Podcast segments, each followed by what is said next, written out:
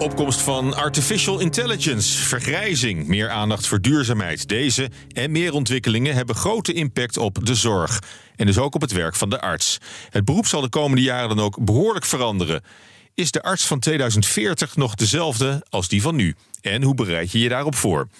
Mijn naam is Paulus Seur en over deze vragen hebben we het in deze aflevering van de Artsenpodcast van de KNMG. De podcast waarin we praten over actuele zaken die het artsenvak raken. Deze keer praat ik met Pim den Boon. Hij is voorzitter van de Geneeskundestudent. Dag Pim, goed dat je er bent. Yes, dankjewel. En René Heeman, voorzitter van de KNMG. Niet de eerste keer in de uitzending. Dankjewel. Goed dat je er bent, eh, René. Ja, uh, laten we beginnen met de maatschappelijke ontwikkelingen... die invloed zullen hebben op het artsenvak. Uh, zometeen gaan we er dieper op in. Maar in grote lijnen, uh, René, welke maatschappelijke ontwikkelingen zie jij... die echt grote impact hebben of gaan hebben op de zorg? Nou, een aantal van die ontwikkelingen zie je natuurlijk nu al. Nederland wordt diverser um, en de individueler.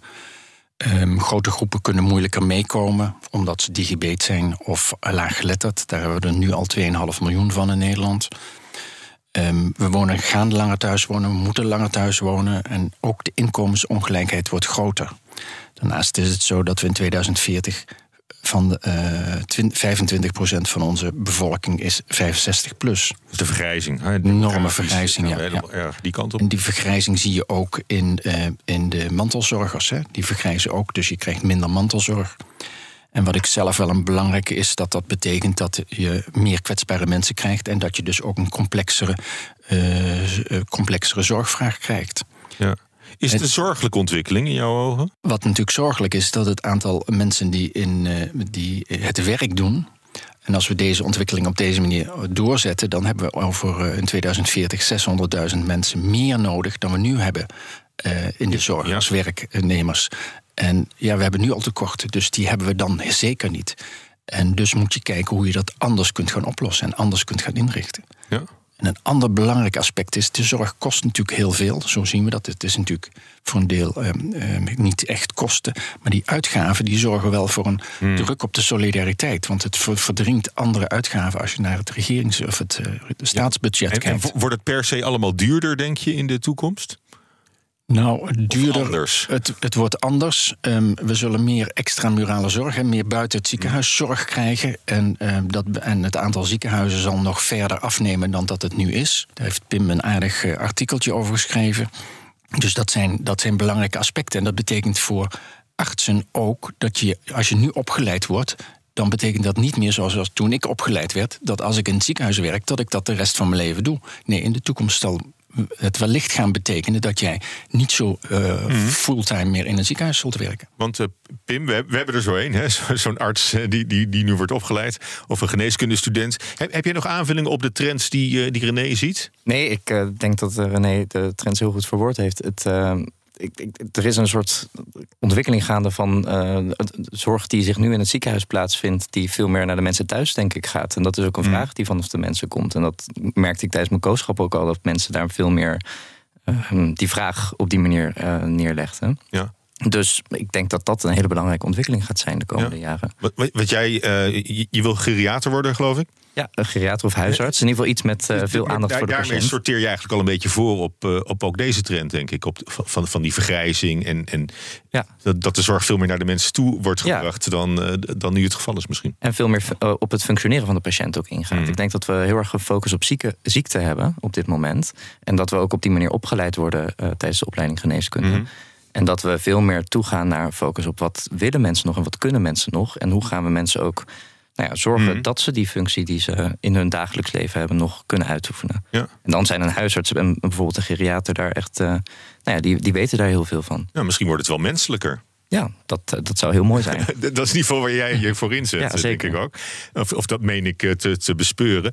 Uh, waar ik je nog niet over hoorde, René, was de opkomst van, uh, uh, van artificial intelligence en de hele technologische ontwikkeling, ja. de digitalisering misschien wel van, van, van de zorg. Ja, de, de medisch-technologische ontwikkelingen die, die, die nemen ontzettend toe. Er zijn een aantal aspecten. Je zult meer telemedicine krijgen, dat je je huisarts via videobellen zult zien. Daar moet je in je opleiding in ingetraind worden. Want dat betekent iets heel anders dan dat je iemand fysiek voor je zit. Nou, we zijn met corona natuurlijk behoorlijk in het diepe gegooid. Precies. En daar, daar zijn ehm, ontwikkelingen, zijn, er zijn oogstraatjes geweest, zoals ze dat noemden, waarbij iemand eh, met oogklachten naar de huisarts ging en dan via een videoconstructie, eh, eh, videoverbinding moet ik zeggen, eh, geholpen werden en daardoor niet naar het ziekenhuis Mm. hoefden. Nou, dat soort dingen zal in de toekomst veel meer worden. Maar je moet als arts ook weten wat je dan ziet en wat je voor, hoe, je, hoe je de vragen anders moet stellen. Mhm. Dat zijn belangrijke aspecten. Dat is telemedicine, maar je hebt ook eh, data's. Hè. We krijgen steeds meer toegang tot eh, de data van wearables. Eh, je horloge Mhm. data geef je door. Ehm, en dat betekent dat je die data kunt onderzoeken. En dat betekent dus ook dat je De, daar. kwa- de kwaliteit van je slaap, hè? dat is, dat is heel, Bijvoorbeeld. heel veel mensen nu. Ja, ja, daarom heb ik niet zo'n horloge, want ik vind dat toch wel erg privé, de kwaliteit van mijn slaap. Maar ja, dat betekent dus dat je heel veel meer informatie krijgt. Maar die heel veel meer informatie moet je ook kunnen duiden. Ja, En dan heb je nog iets als artificial intelligence. Een, ik noem het maar even een grote megacomputer. eh of iets in de geest. ehm, ehm, die, ja die data- zelflerend aan de hand van al die data die worden, worden gegenereerd. Precies. En daar komen dan resultanten of, gedag, of, of conclusies uit. Of eh, zogenaamde conclusies uit waar jij eh, op gaat varen. En dan moet je als dokter A de ethische kanten daarvan weten. Ben ik niet aan het, eh, Mhm. ben ik niet aan het profileren? Doe, wordt het allemaal goed gedaan? En je moet weten wat de ethische aspecten zijn, maar ook de juridische aspecten Mhm. daarin. En ik denk dat, dat ehm, je daar ook mee met je conclusies in rekening mee moet houden. Ja, want Pim, hoe, hoe denk jij dat, dat artificial intelligence het, het artsenvak gaat, gaat veranderen? Nou, Of he- hele, gro- hele grote mate. Ik, eh, een vriend van me die heeft laatst met eh, dat ChatGTP zitten spelen. En als je dan vraagt Ja, aan ChatGTP denken, eh, om een differentiaaldiagnose van hoofdpijn te geven, dan is die sneller en beter dan dat ik daarnaast kan zitten nadenken. En natuurlijk moet ik dat dan wel controleren en kijken wat ik van zo'n eh, lijstje vind. Maar ik denk dat dat echt een hele grote rol gaat spelen in de komende jaren. Ja. En betekent dat dat artsen ook technischer moeten worden? Of denk je dat juist de arts daar het, de, de menselijke factor tegenover moet gaan eh, stellen? Nou, beide. Ik denk dat je als arts dus, dus moet begrijpen wat zo'n algoritme doet en op welke eh, eh, veronderstellingen zo'n algoritme functioneert. Want wat René inderdaad net zei, op het moment dat zo'n algoritme gebaseerd is op vooroordelen, dan zal die die vooroordelen ook laten, nou ja, de, de Die, uitkomsten die van zo'n hebben de algoritme. neiging dan te groeien. Hè? Te groeien, juist, het, ja. En dus- Controleren, ja. En daar moet je je als arts heel erg bewust van zijn. En aan de andere kant betekent dat ook dat je die menselijke maat inderdaad eh, Mhm. moet zijn. Want mensen willen nog het menselijk contact hebben. Mhm. En ehm, kijk, op het moment dat uit het algoritme komt een diagnose komt rollen, misschien wel een ernstige diagnose komt rollen, dan willen mensen dat niet van de computer horen. Mensen willen dat van, Mhm. die willen iemand om tegenaan te praten, en iemand Ja. die terugpraat, en iemand die nou ja, begrip heeft voor de problemen waar mensen tegenaan lopen. En eh, hoe kijk je dan aan tegen mensen die, eh, die, zelf gaan, gaan, gaan googlen? Of eh, daar, hoef je dan niet meer per se voor naar een arts. En je zal nu al best veel patiënten hebben die, die komen van... ik heb het al helemaal uitgevogeld wat ik heb. Ja. Dit is het. En dat klopt misschien ook best. ja, zeker. Ja, mensen zijn er heel het is ook goed wel in. zelfredzaam op een bepaalde manier. Dus mis- misschien Ja. ook wel een, een ontlasting van, van de arts. Ja, dat denk ik. Op het moment dat, dat, dat iemand tot een goede conclusie komt, is het een ontlasting. En op het moment dat iemand tot een niet goede conclusie komt, waar jij het als arts niet mee eens bent, dan is dat vaak juist een heel veel moeilijker gesprek. Ja. Omdat mensen dan al van tevoren bedacht dat, hebben. dat wil je juist horen. wel zien. En, Ja. en de- Ja. Dus je wil wel dat ze het contact blijven eh, zoeken en, en vinden met, eh, met, met artsen, denk ik. Op dit moment nog wel, maar hoe dat in 2040 is, dat, dat is natuurlijk de vraag. Misschien Ja, het, is, het, is sneller, het robots. is sneller 2040 dan je denkt. Het is over Ja. 17 jaar al natuurlijk. Nou, wat, wat dus je, die ontwikkeling gaat ook hard. Die, die ontwikkeling gaat gewoon door. En dat is ook wat Pim zegt. Je, zegt- je hebt nu al een, de website thuisarts.nl. Daar, kun je, Hmm. daar verwijs je ook naar. Huisartsen verwijzen daar ook naar. En daar kun je als patiënt opzoeken wat jouw klacht zou kunnen zijn. Of je daarvoor naar de dokter moet. Ehm, ik, ik vind die illustratie van een vriend van mij... die had een, een, een dame van 75 opspreken komen... met een hele bundel uitgeprunte dingetjes van internet. En die zei, legde zo met een klap op zijn bureau... zei, dit is mijn diagnose, dokter, en nou kom ik voor de second opinion. En ik denk dat dat de kern is van een van de rollen... die we in 2040 zullen zien. En dat is de duider. Je gaat met die patiënt kijken, wat, wat kun je hebben? Maar de diagnose is één kant... en ik denk dat dat wel voor de, middels artificial intelligence zal worden uitgewerkt.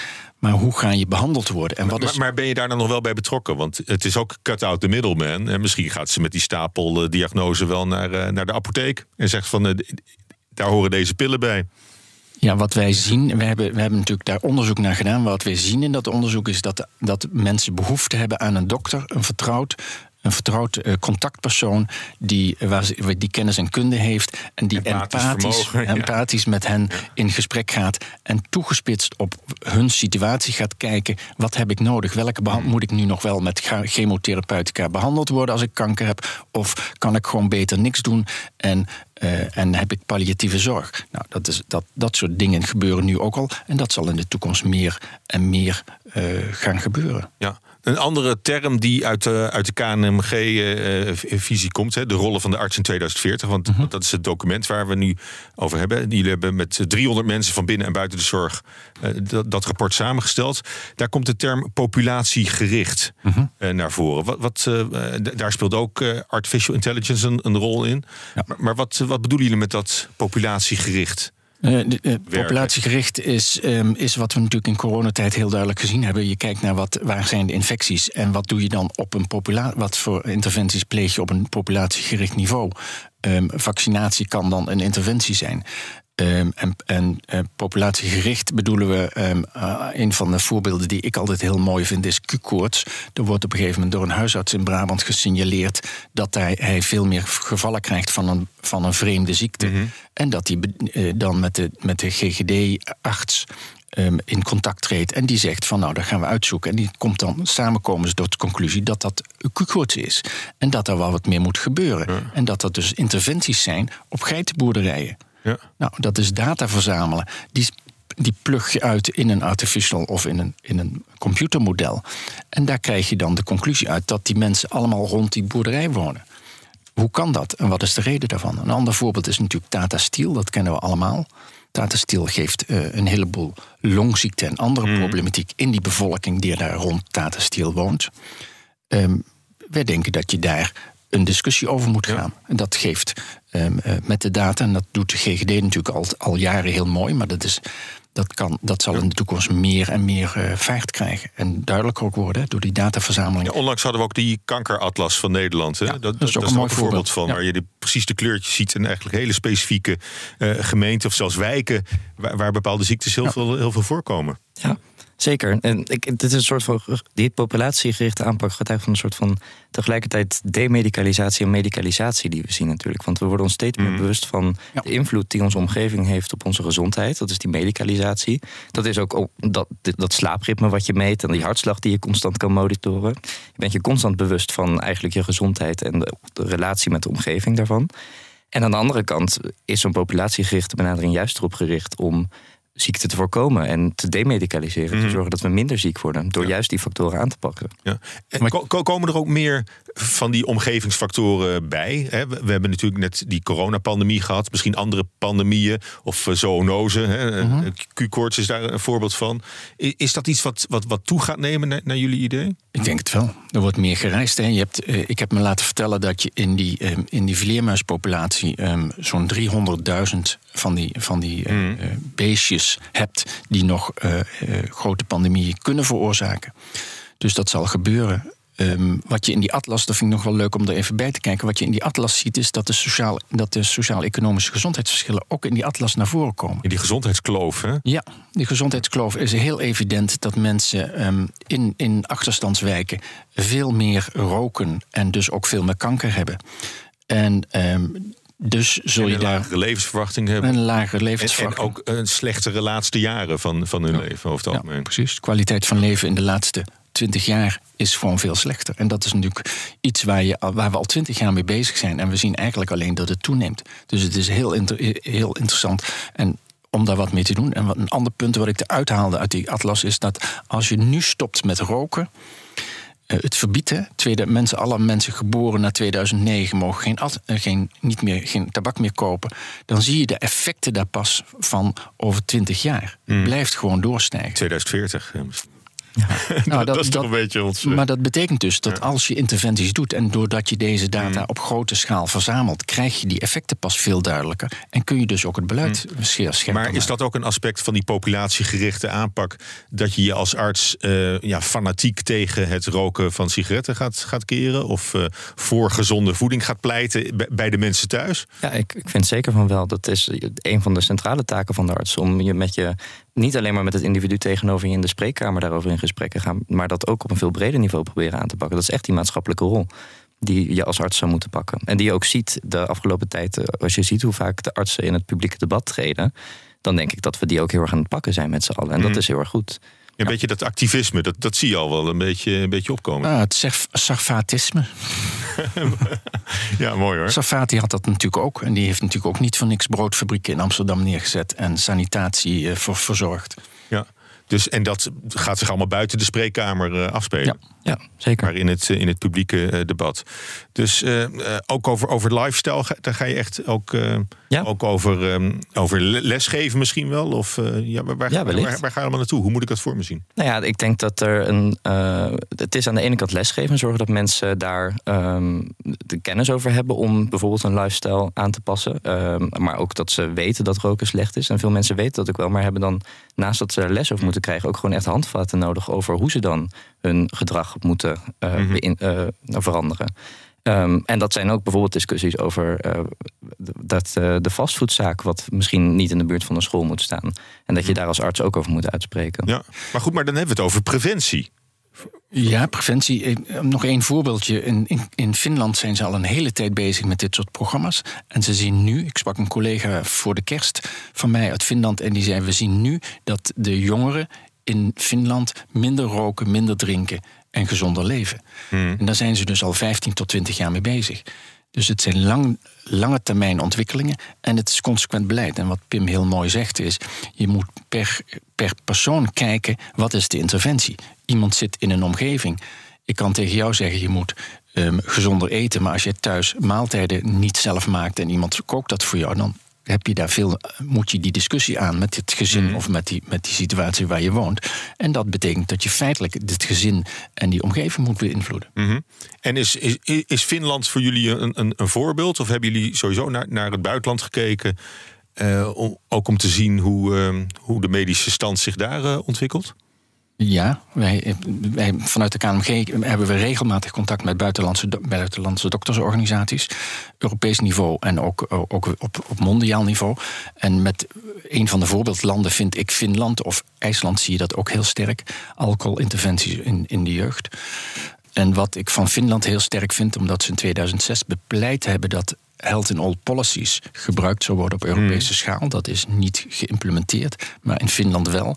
En health in all policies betekent feitelijk dat elk beleid wat de overheid maakt, of je nou landelijke overheid hebt of, of een lagere overheid, daar moet bekeken worden wat de impact van die maatregel is op de gezondheid van de burger. Als voorbeeld wil ik noemen. ehm, er is in het regeerakkoord van deze regering, daar stond dat eh, de, de AOW niet geïndexeerd zou worden in het eerste jaar. Dat is er in de, tweede kamer uit, of in de Eerste Kamer uitgehaald.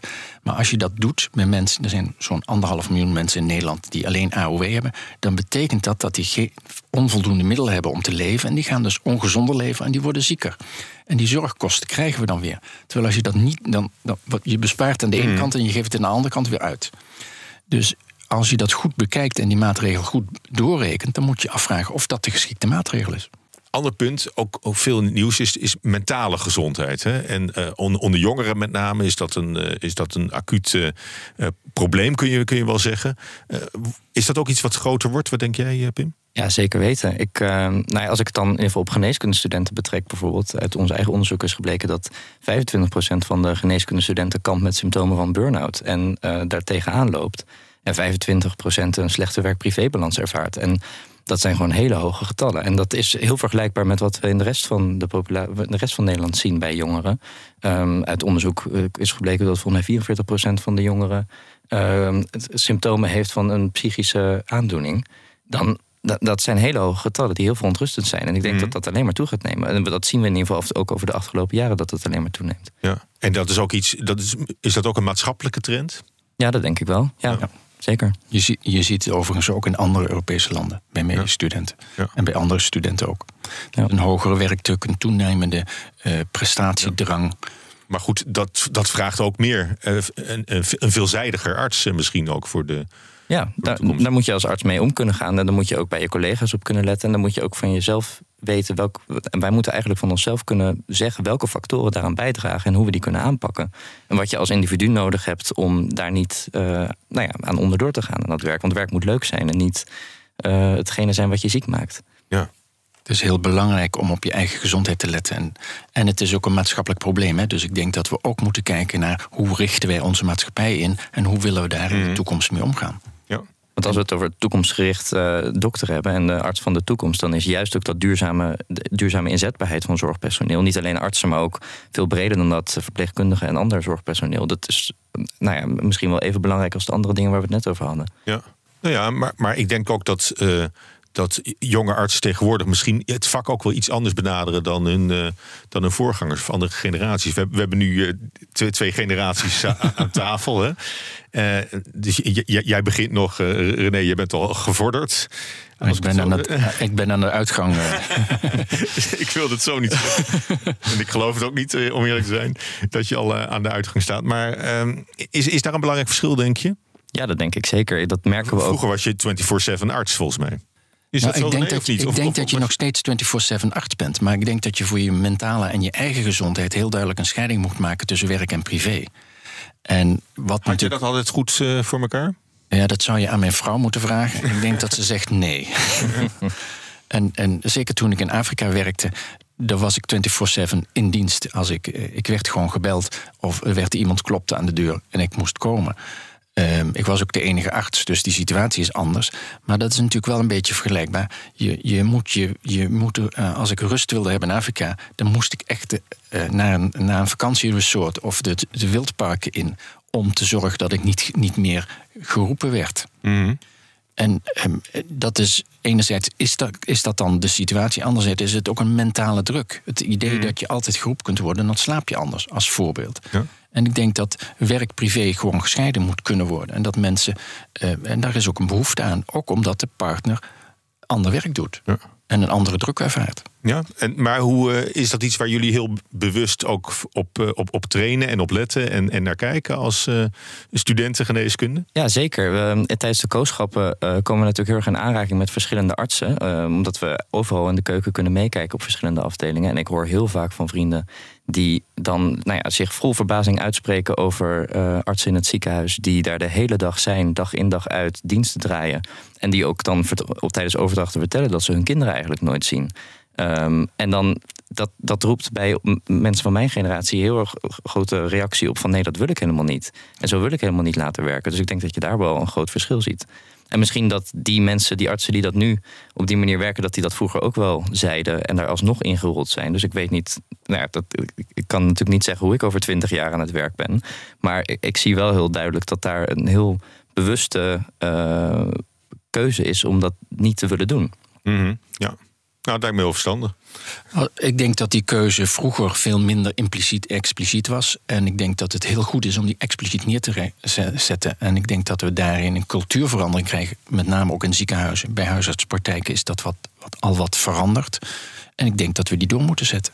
Ja. En, maar is dat ook een, een, uh, een invulling van het vak die, die past bij de, bij de arts van 2040?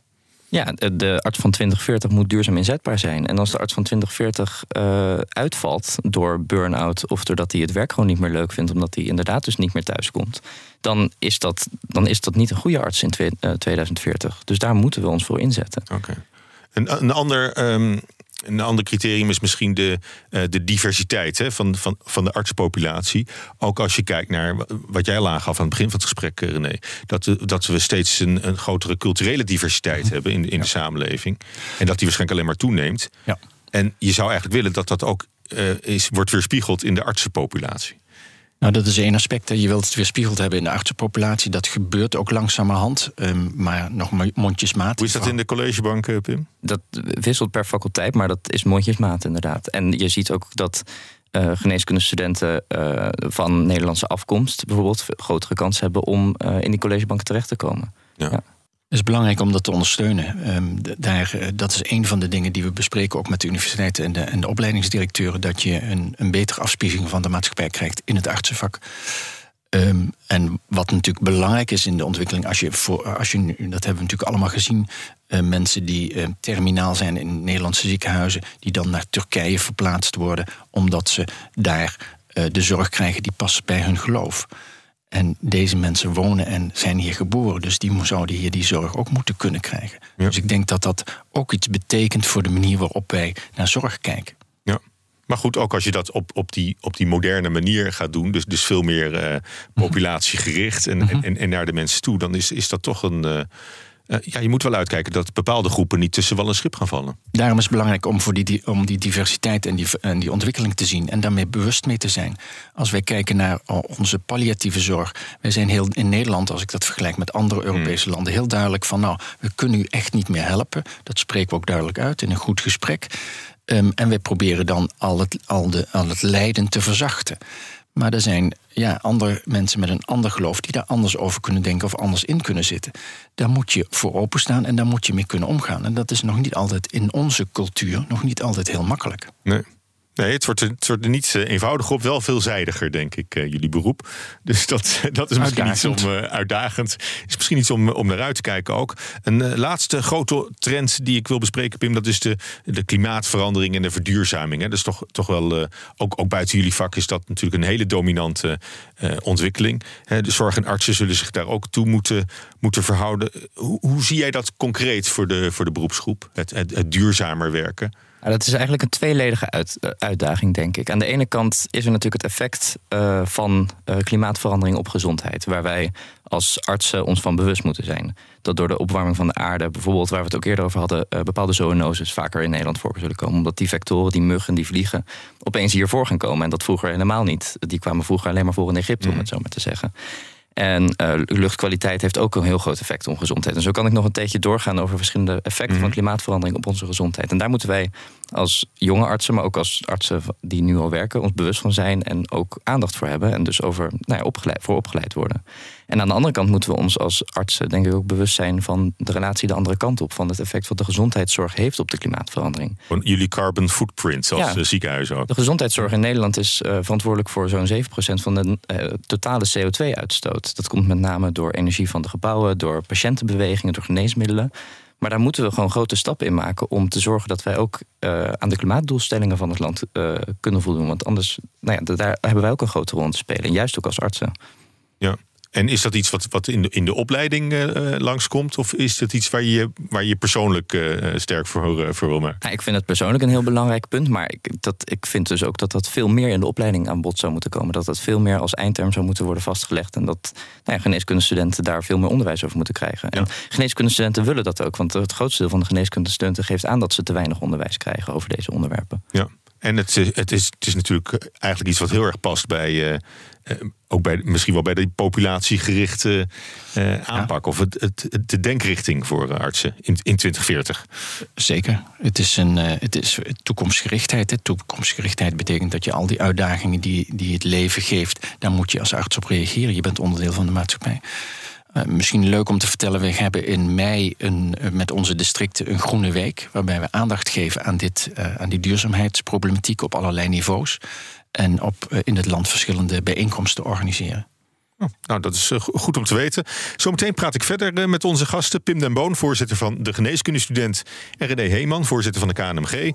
Eerst gaan we naar onze tuchtrechter, Nicolien Verkleij. Fijn dat je er bent, Nicolien. Weer in de studio deze keer. Ja, dankjewel, Paul. Uh, normaal gesproken behandel je een, een tuchtklacht voor ons. Maar omdat we vandaag in de toekomst kijken, is dat wat lastig. Want die, die zaken hebben zich nog niet uh, voorgedaan natuurlijk. Die liggen in, in de toekomst. Uh, daarom doen we het even anders. Hoe verwacht jij dat het, uh, het tuchtrecht eruit ziet in, in 2040? Denk je dat dat zich mee verandert, mee beweegt met, met de maatschappelijke en, en, geneeskundige ontwikkelingen die we, die we geschetst hebben? Nou, in zekere zin zal dat moeten. Het tuchtrecht beoordeelt het handelen of nalaten door zorgverleners en dus ook door artsen. En ja, zeker met de technologische ontwikkelingen, ja, daar zullen we ook rekening mee moeten houden in het tuchtrecht. Uh, mijn professionele droom is natuurlijk dat het tuchtrecht nooit meer nodig zou zijn, maar ik denk dat dat toch een illusie is. Ehm, ja, ik hoop wel dat, ehm, ja, dat het tuchtrecht over 17 jaar in ieder geval niet meer zo'n monster is waar dokters tegenaan kijken. Hè? Dat, dat ze denken, oh, de tuchtrecht, er is nu heel veel angst onder artsen voor het tuchtrecht. En ik zet me er persoonlijk steeds voor in om te zorgen dat, ja, dat er meer voorlichting is. Dat mensen weten dat we, dat we niet zomaar een beroepsbeperkende maatregel opleggen. Dan moet je het echt heel bond mhm. hebben gemaakt. ik hoop dat al mijn collega-tuchtrechters in de zittingszaal iedereen met empathie behandelen. Hè, omdat het, we weten ook dat het voor de zorgverleners een zware gang is naar tuchtcollege. Um, waar we ook wel mee bezig zijn, is met het verjongen van de van de tuchtrechters, zeg maar. Mm. We nemen toch wat meer jongere mensen aan. Uh, is ook belangrijk, denk ik, aan de ene kant voor draagvlak, aan de andere kant voor al die ontwikkelingen die nu gaande zijn, zeker met die technologische uh, dingen. Uh, ja, dat je ook mensen moet hebben die daar gewoon echt bij betrokken zijn. Ja. En het is ook heel leuk eigenlijk. We hebben natuurlijk best wel veel sollicitatiegesprekken met beroepsgenoten. Uh, het zijn altijd fantastische gesprekken, want het zijn zulke gemotiveerde mensen mhm. die al heel veel hebben gedaan op allerlei vlakken, bestuurlijk, maar ook in, echt in de ontwikkeling van hun vak en de kwaliteiten van hun vak. Ja. Uh, dus we hopen dat dat ook weer een groter draagvlak geeft. Om, en zie je een verschil met de, met de jonge mensen die, die zich nu aanmelden om, om misschien tuchtrechter te worden en, en de oude garde? Ja, niet eigenlijk in bevlogenheid en betrokkenheid. Dat, is, dat is bij iedereen in even grote mate aanwezig. Maar goed, het geldt natuurlijk eigenlijk in heel veel beroepen dat, uh, dat het ook goed is om mensen te hebben die, die langere tijd mee kunnen, zeg maar. Er zijn juist eigenlijk veel mensen die een beetje zo tegen het einde van hun carrière dan bij ons solliciteren. Um, en uh, we willen toch wel dat iemand minstens een hele termijn van zes jaar mee kan draaien. Uh, maar liever nog eigenlijk twee termijnen, omdat ze dan goed thuis raken. Mm. Sorry, in het tuchtrecht. En um, ja, ook, ook gewoon langer al die ontwikkelingen die spelen in de zorg ook meemaken en daar goed uh, over kunnen meepraten. Ja.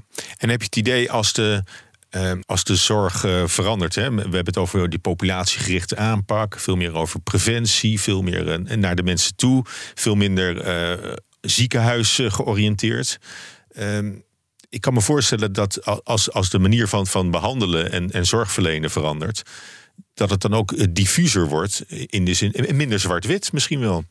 Ja, het uitgangspunt van het uh, huidige tuchtrecht, hè, dat, dat is wettelijk bepaald, is dat de zorgverlener alleen voor zijn individuele handelen kan worden hmm. aangesproken. En uh, daar wordt al heel lang voor gepleit om dat eigenlijk wat anders aan te gaan pakken. Het is best ingewikkeld. Hè. Er, is, er zijn nog niet heel concrete gedachten over, maar ik denk op zichzelf dat dat wel een goede ontwikkeling is. Mm. Eh, en het is natuurlijk ook eh, best te regelen, maar er moeten er wel een heleboel dingen nog veranderen. En dat moet ook allemaal via wetgeving. Dus dat is wel ingewikkeld. Maar ik denk dat het wel uh, mogelijk zal zijn om meer te kijken, ja, hoe is dit nou in een team gegaan? Ehm, ja, kijk, en voor de grote maatschappelijke ontwikkelingen uh, ja, kun je natuurlijk nooit een, een, een, arts of een team, denk ik, verantwoordelijk stellen, omdat die daar niet altijd heel veel invloed op hebben. Ja, het is ook moeilijk dan misschien om een, om een klacht te, te formuleren, omdat het uh, niet één op één is. Nee, precies. Dat wordt dan ook heel ingewikkeld natuurlijk. Ja, maar goed, het, is, uh, het wordt, uh, wordt ook wat, uh, wat maatschappelijker misschien wel, het tuchtrecht. Nou, dat, dat is wat, wat, vriendelijker of wat. Ja, dat willen we natuurlijk ook wel. Hè. Dat het, dat het, ja, het lastige is dat er maar heel weinig klachten eigenlijk worden ingediend. Als je naar de totale aantallen kijkt. Sinds we in 2019 een aantal zeg maar beperkende maatregelen hebben gekregen, zoals een griffierecht van 50 euro. En er zijn tuchtlachtfunctionarissen waar mensen bij terecht kunnen. Die, uh, wij vermoeden dat die ook doorverwijzen naar de zorgverlener zelf of de klachtinstantie van de zorgverlener. Dat is een belangrijk filter. Er zijn, uh, is het aantal klachten met minstens een derde afgenomen. Dus van ongeveer 1500 tot uh, eh, 1700 in de jaren voor 2019. Nu rond de 1000. En we hebben minstens 380.000 big geregistreerde zorgverleners. Dus het is maar een heel klein aantal klachten dat bij ons terechtkomt. Um, ja, we proberen natuurlijk zo goed mogelijk met oog voor de maatschappelijke uh, effecten uh, te kijken hoe wij het zo menselijk mogelijk uh, kunnen inrichten. maar ja, ja soms. Um, is het toch nodig om bijvoorbeeld een beroepsbeperkende ja. maatregel op te leggen. Maar dan zijn er ook wel heel ernstige dingen gebeurd. Ja. Maar helemaal overbodig zal het wel niet, uh, niet worden. Ik vermoed van niet. 2040. Nee, ik vermoed van niet. Nou, dankjewel. Ik hoop dat we je ook uh, nog, nog vaak uh, zullen horen. tot zover tuchtrechter Nicolien Verkleij. Goed dat je er was. ik praat verder met mijn gasten. Pim den Boon, voorzitter van de geneeskundestudent. En René Heeman, voorzitter van de KNMG. René, je hebt meegeluisterd naar, naar Nicolien. heb je ook de verwachting dat het tuchtrecht zich die kant op ontwikkelt? Ja, wij, pleiten erg voor uh, die beweging uh, die Nicolien uh, net schetste. Wij denken dat het tuchtrecht heel erg kan helpen om de kwaliteit van de zorg te verbeteren. Daar is het feitelijk ook voor ingesteld. En er zijn in de loop van de jaren, we hebben in december toevallig een feestje gevierd omdat tuchtrecht in deze vorm 25 jaar bestaat. En ehm, daar hebben we ook uitgesproken dat we het belangrijk vinden dat dat, dat, dat tuchtrecht blijft bestaan. Maar dat ook gekeken wordt in de toekomst van ehm, ehm, individuele klachten en mensen die genoegdoening willen hebben over wat iets misgegaan, hmm. dat dat eigenlijk een ander kanaal hoort.